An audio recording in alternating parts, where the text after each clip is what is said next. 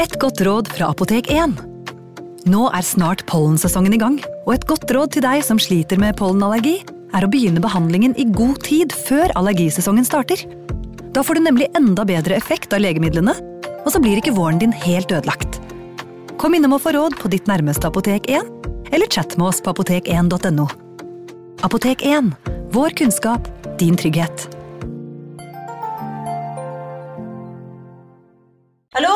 Jeg kommer fra Oslo politikammer. Ine Jansen er purk. Er du purk? The motherfucking bitch. Alt jeg vil, er å finne ut hva som skjedde med mannen min. Jon Carew. Er jeg sikta for noe? Iben Akeli. Det er du. Ole So, Lars Berrum og Big Daddy Karsten. Hvem sin side er du på, egentlig? Anette Hoff, Tone Danielsen, Kommer du fra Afrika? Jørnis Josef, Nesten kløfta. Trond Espen Seim, Det er synd å si det, men det var feil mann som døde. Purk. Premiere tirsdag på TV2 Play. Ungsamtalen fra DNB er økonomisk veiledning tilpasset deg som er ung. Bokk en ungsamtale på dnb.no. slash ung. Det er kjempebra hvis du skal inn på boligmarkedet, hvis det er drømmen din, liksom. Det er det du skulle sagt. Og så kunne du ropt litt mer, da, sånn som jeg gjorde. Bam! Advarsel.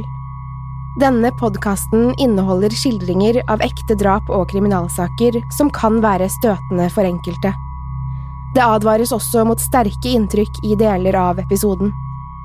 I forrige uke hørte vi historien om to mødre som gjorde alt for sønnene sine. Den ene lette etter sønnen resten av livet.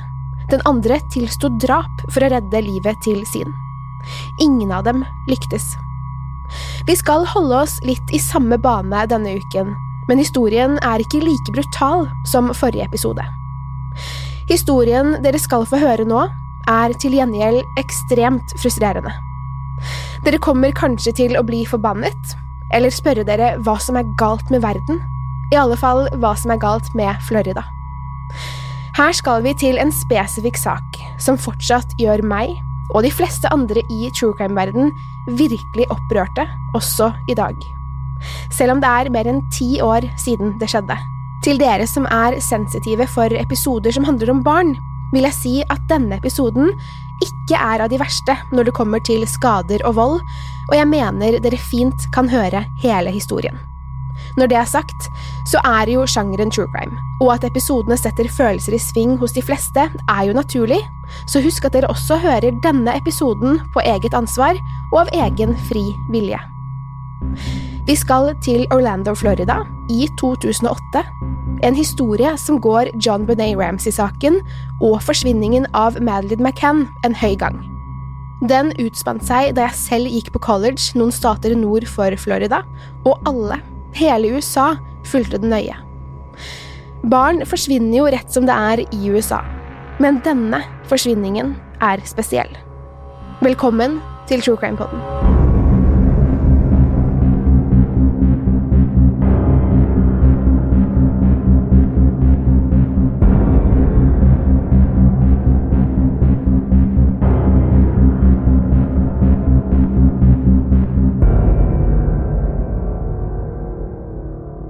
Klokken 20.44 den 15. juli 2008 ringer en kvinne ved navn Cindy Anthony nødnummeret. Hun får kontakt med operasjonssentralen og forteller at noen må arresteres. Noen hjemme hos henne. Operatøren spør hvem som skal arresteres, og Cindy svarer datteren min. Hvorfor vil operatøren vite, og Cindy sier at datteren har stjålet en bil. Hva heter datteren din? spør operatøren, og Cindy svarer Casey Anthony. Casey Anthony er Cindys 22 år gamle datter, som hun har sammen med ektemannen George Anthony. Cindy er sykepleier, og George er pensjonert politimann. En ganske vanlig familie som lever den såkalte amerikanske drømmen. De har jobbet hardt, tjent penger, og lever nå på godene de opparbeidet seg tidligere i livet. Datteren deres, Casey, er deres eneste, og bor fortsatt hos foreldrene sine. Hun jobber og har en to år gammel datter, Kayleigh Marie Anthony. Det var ikke alltid trøblete hjemme hos Anthony-familien. Cindy hadde alltid hatt et godt forhold til datteren Casey, det samme hadde George hatt. Casey var den populære jenta på skolen, den som alle ville være venninne med, og de fleste guttene var småforelsket i henne. Hun var utadvendt, tøff, vakker og morsom. Hun var sporty og fikk gode karakterer, og foreldrene var så stolte av henne, deres eneste barn. Ikke lenge etter at Casey hadde fylt 18 år, hadde hun begynt å være mer ute om kveldene og i helgene. Casey dro på flere fester i uken, og selv om hun fikk streng beskjed om å være hjemme, i alle fall de kveldene hun skulle på skolen neste dag, snek Casey seg ut av huset om kvelden. Både George og Cindy var frustrerte, men tenåringsdatteren deres så ikke ut til å bry seg nevneverdig. Det kom som et stort sjokk på dem begge, trolig på Casey også, at hun hadde blitt gravid. Hun var bare 18 år, og foreldrene syntes det var altfor tidlig. De ønsket jo at Casey skulle ta utdannelse, gå på college og få seg karriere før de ble besteforeldre. Men nå falt altså planene deres i grus. George var skuffet i starten. Hvorfor kunne ikke datteren hans ha vært mer forsiktig? Han kranglet med Casey. Cindy var også skuffet, men helt bestemt på at datteren skulle beholde barnet. Casey selv hadde egentlig bestemt seg for abort, men det kom ikke på tale. Cindy og George var troende mennesker og lovte at de skulle hjelpe Casey med alt hun trengte gjennom graviditeten og med babyen. Slik ble det, Casey ble boende hos mamma og pappa. Den 9. august 2005 kommer lille Kayleigh Marie Anthony til verden. Casey er ikke sammen med barnefaren, så mamma Cindy var med på sykehuset. Lille Kayleigh er nydelig, hun er veldig lik mammaen sin og i fin form. Hun har masse brunt hår og store øyne. Tiden etter fødselen blir fin, det virker som om Casey takler mammarollen bra. Hun står opp om natten med Kayleigh ammer henne og skifter bleier, som om det å være mamma var den mest naturlige ting i verden. Cindy og George er stolte når Casey søker om studieplass på et lokalt college og skaffer seg jobb. Datteren deres har endelig blitt voksen. De elsker å være besteforeldre og passer Kayleigh hver gang Casey er ute. Dessverre, når Kayleigh er rundt et år, er Casey mer og mer borte fra hjemmet. Hun er ikke bare på skolen eller jobb, hun har begynt å feste igjen.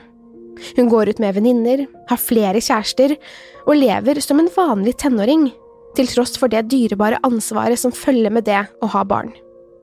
Særlig Cindy tar opp dette med henne flere ganger, og det ender alltid med krangling mellom mor og datter.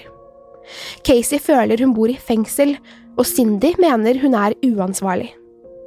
Casey sover ofte hos venninner, men når hun er hjemme, er hun en oppmerksom mamma. George og Cindy tenker at hun bare trenger å rase fra seg, og setter pris på at Casey faktisk er en kjærlig mor når hun er til stede. Halvannet år senere, derimot, er forholdet mellom Cindy og Casey iskaldt.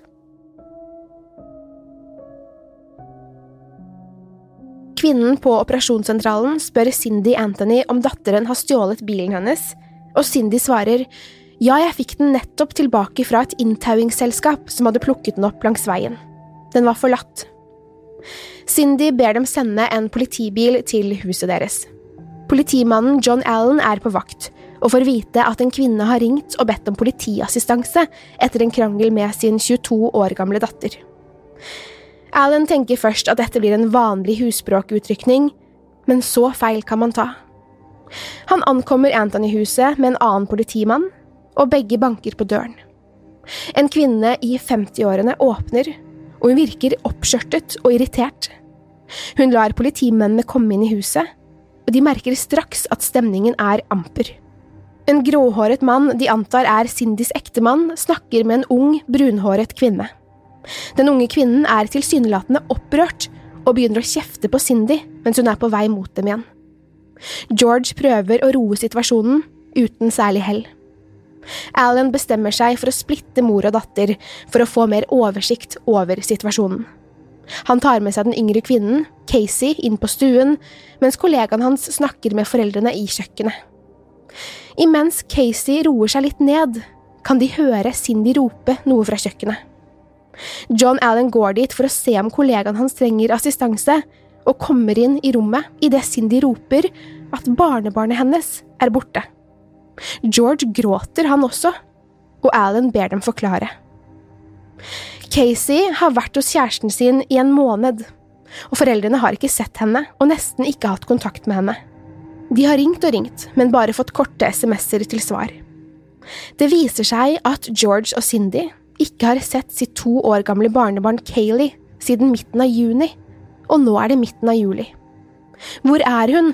roper Cindy til Casey, som svarer at hun ikke vet. John Allen blir forvirret og spør om det stemmer at en toåring er savnet.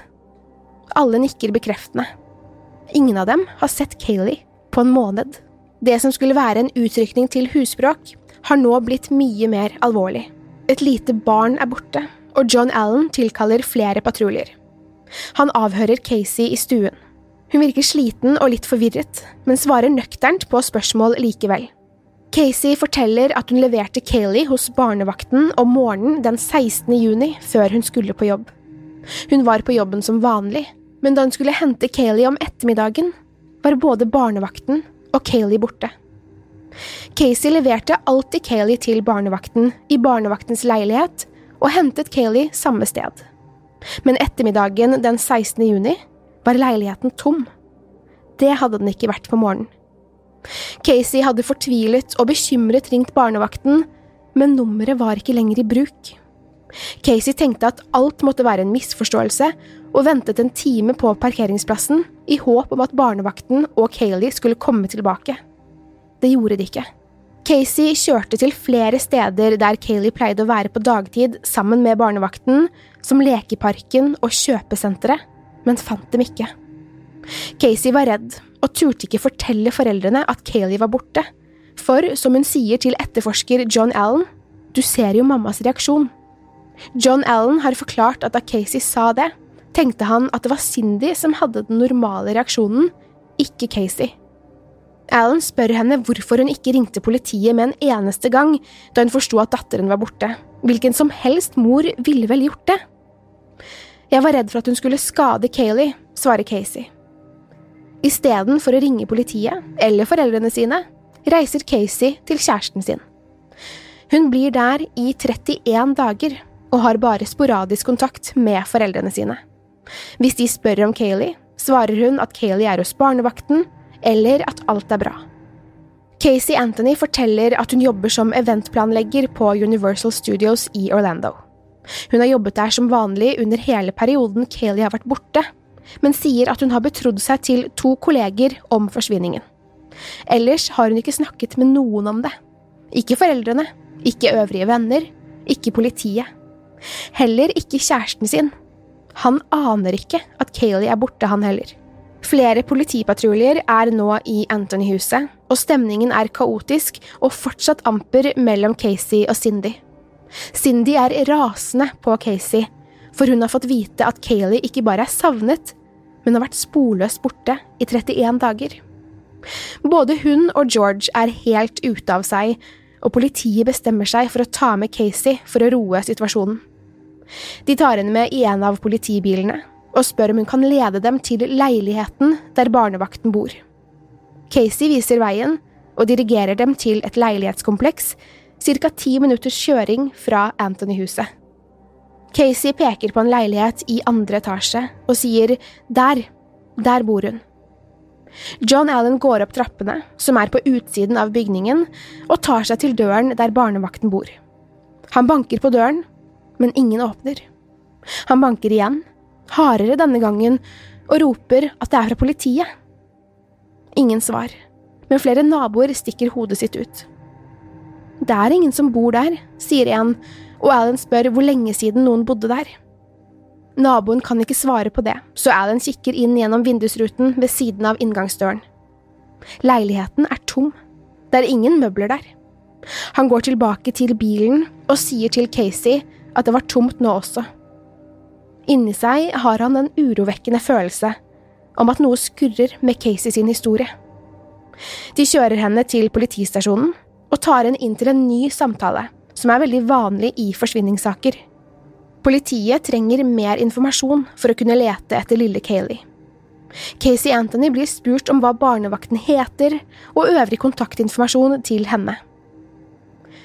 For å tydeliggjøre hvor merkelig svaret til Casey er, må jeg poengtere at Alan spør Casey hva er navnet til The Nanny, altså barnevakten. Casey svarer Zanny. John Allen synes nesten det høres ut som om Casey finner på navnet der og da, og spør heter hun virkelig Zanny the Nanny? Ja, svarer Casey uten å foretrekke en mine. Hun beskriver Zanny the Nanny som halvt afroamerikansk og halvt puertorikansk. Hun er ca. 25 år gammel og heter egentlig Zenaida Rodriguez Gonzales, men alle kaller henne Zanny the Nanny. Neste dag reiser noen politimenn tilbake til leilighetskomplekset og får kontaktinformasjonen til firmaet som leier ut leiligheter der. På kontoret til utleiefirmaet får de snakke med daglig leder, som villig hjelper dem med alt de trenger.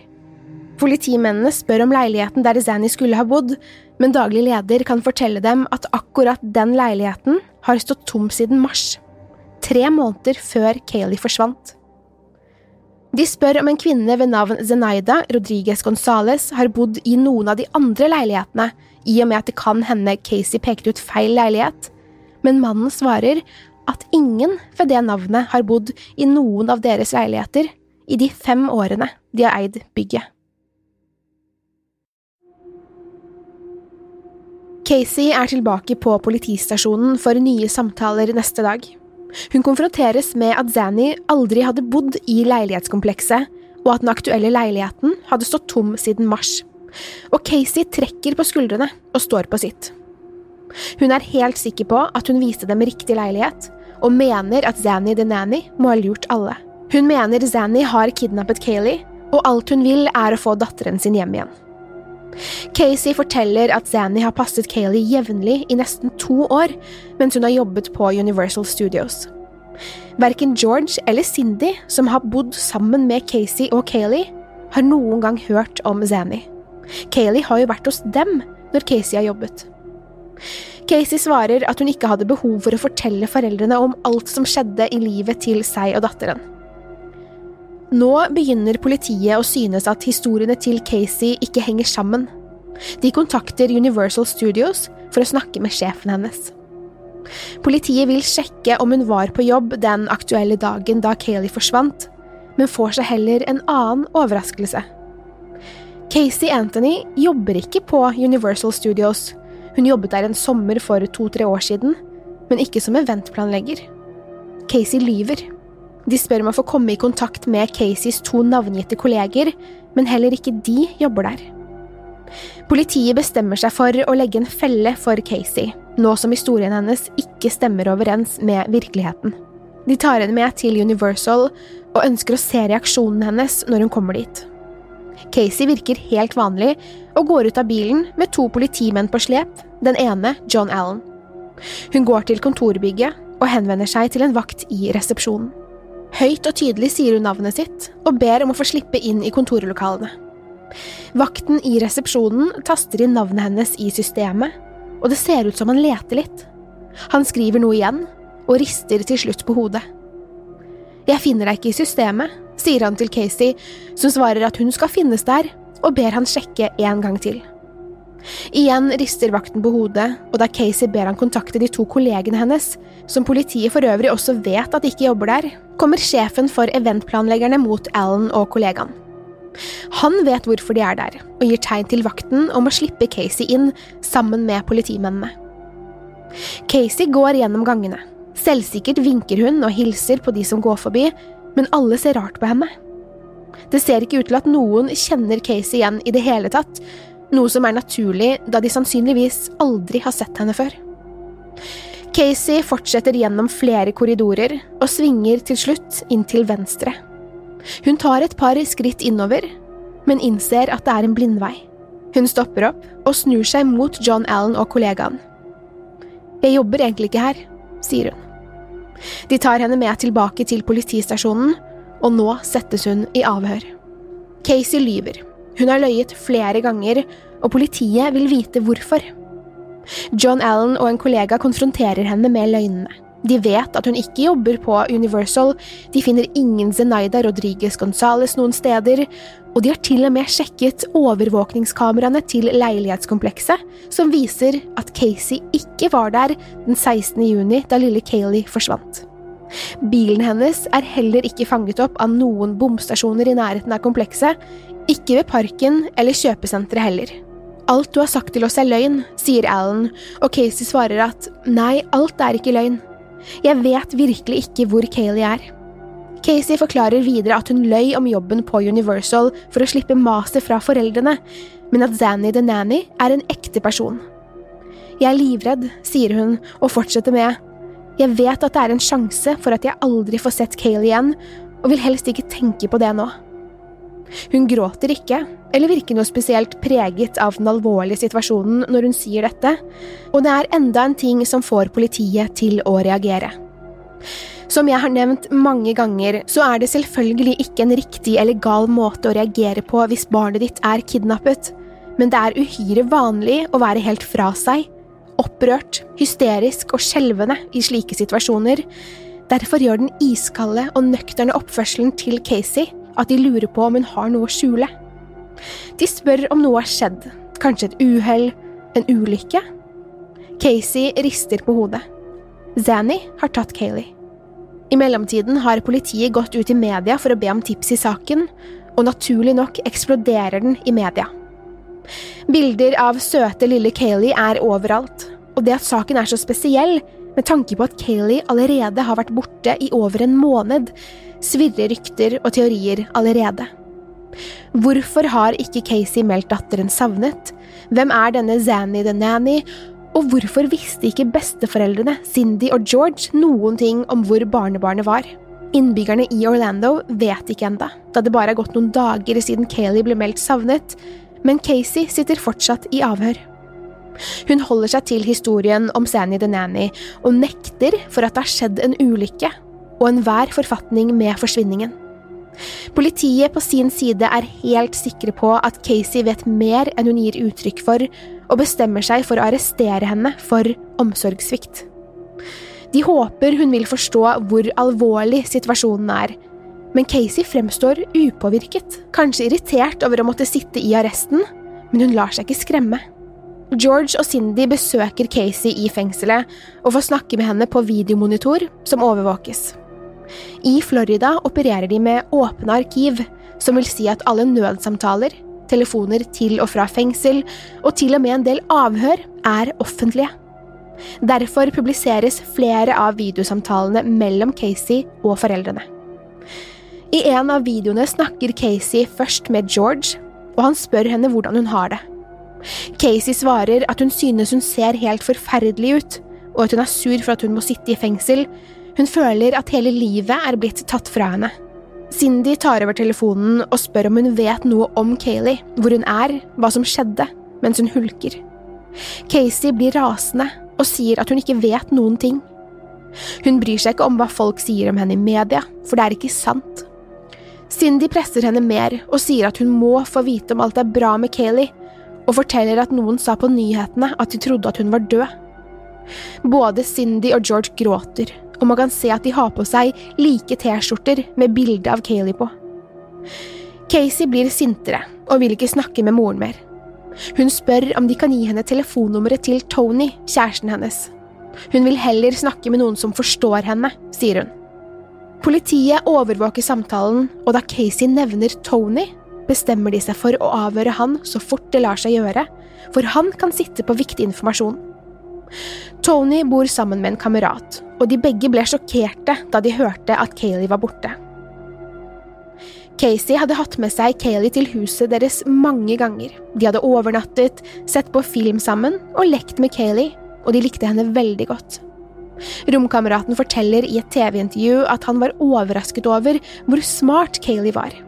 Hun kunne navnet på nesten alle farger, hun kunne telle til ti og var veldig flink til å prate til å bare være litt over to år gammel. Da Casey hadde flyttet inn hos dem, hadde de etter hvert begynt å spørre henne om hvorfor Kayleigh aldri var med lenger, siden de syntes det var så koselig med henne der. Casey hadde svart at hun var hos barnevakten eller hos foreldrene. Casey hadde virket helt normal gjennom hele måneden mens datteren var forsvunnet. Hun hadde vært mye ute og festet, var alltid like blid og glad, og ingen av dem, verken Tony eller romkameraten, syntes hun hadde virket lei seg eller stresset noe som var rart å tenke på i ettertid, vel vitende om at Kayleigh var forsvunnet hele den måneden hun hadde bodd der. De hadde heller ikke hørt om Zanny the Nanny, bare at Kayleigh hadde en barnevakt. De beskriver henne likevel som en oppmerksom, kjærlig og ansvarsfull mor, og det virket som om Casey og Kayleigh hadde et fint forhold seg imellom. Politiet synes både Tony og romkameraten fremstår som troverdige, og mistenker ingen av dem for å ha noe med forsvinningen å gjøre. De tror heller ikke guttene visste noe om at Kayleigh var forsvunnet før de fant ut av det nå i ettertid. Etterforskningen pågår for fullt. Alle leter etter Kayleigh. Flere grupperinger arrangerer leteaksjoner med hundepatruljer, helikoptre og hester. Letemannskapene går manngard og finkjemmer store områder, men finner ingenting. Dykkere leter i vann og elver. Hele Orlando føler seg involvert i saken, og alle ønsker å finne Kayleigh. Hun skal snart fylle tre år, og alle har et ønske om at hun skal få komme hjem til bursdagen sin.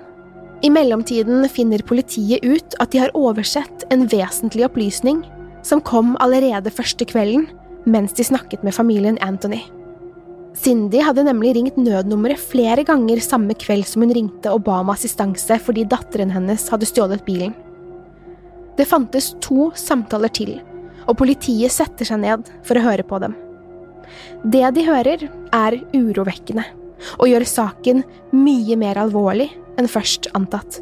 Etter at Cindy hadde avsluttet samtalen med operasjonssentralen første gangen, før politiet kom hjem til dem, ringer hun enda en gang.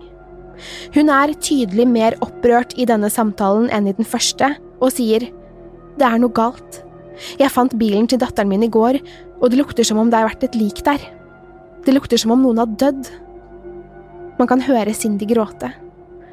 Politiet forstår at saken faktisk kan handle om noe helt annet. Er Kayleigh død? De beslaglegger Caseys bil, en hvit Pontiac Sunfire, samme kveld, og avhører George og Cindy om lukten i bilen. Ekteparet Anthony hadde hentet bilen hos inntauingsselskapet og hadde med en gang lagt merke til den forferdelige lukten i bilen. De hadde prøvd å kjøre bilen hjem, men hadde måttet stoppe, for lukten var for sterk. Den kom fra bagasjerommet. George hadde gått bak bilen og åpnet bagasjeluken, redd for hva han skulle komme til å se. Han brakk seg flere ganger, for lukten var så stram. I bagasjerommet lå en pose, ifølge George. En ganske vanlig søppelpose, og det var den som stinket.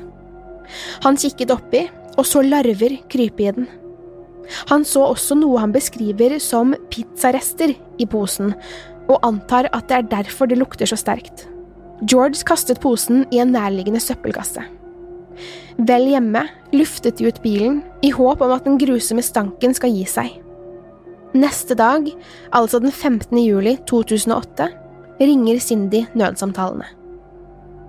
Politiet beslaglegger bilen og lar seg overraske av at bilen fortsatt lukter stramt av forråtnelse.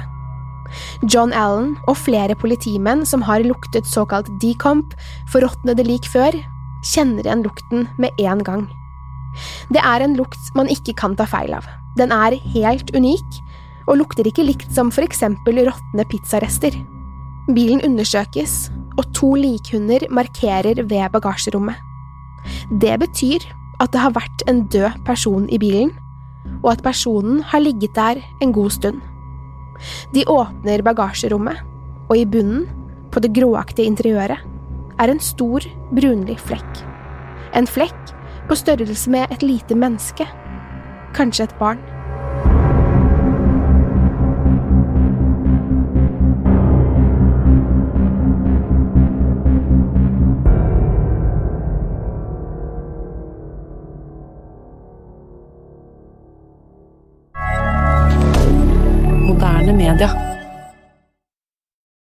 Har du et enkeltpersonforetak eller en liten bedrift? Da er du sikkert lei av å høre meg snakke om hvor enkelt det er med kvitteringer og bilag i fiken, så vi eh, gir oss her, vi. Fordi vi liker enkelt. Fiken superenkelt regnskap. Hei! Takk for at du lytter til True Crime Podden. Skulle du ønske at du kunne høre en ny episode av denne podkasten hver eneste uke? Vel, da er det bare å laste ned podkastappen Untold med en gang. I tillegg til ukentlige episoder av podkaster som Skrekkpodden, Synderne og Henrettelsespodden, får du masse annet reklamefritt og eksklusivt innhold. Last ned Untold i AppStore eller Google Play og start din 30 dagers prøveperiode i dag.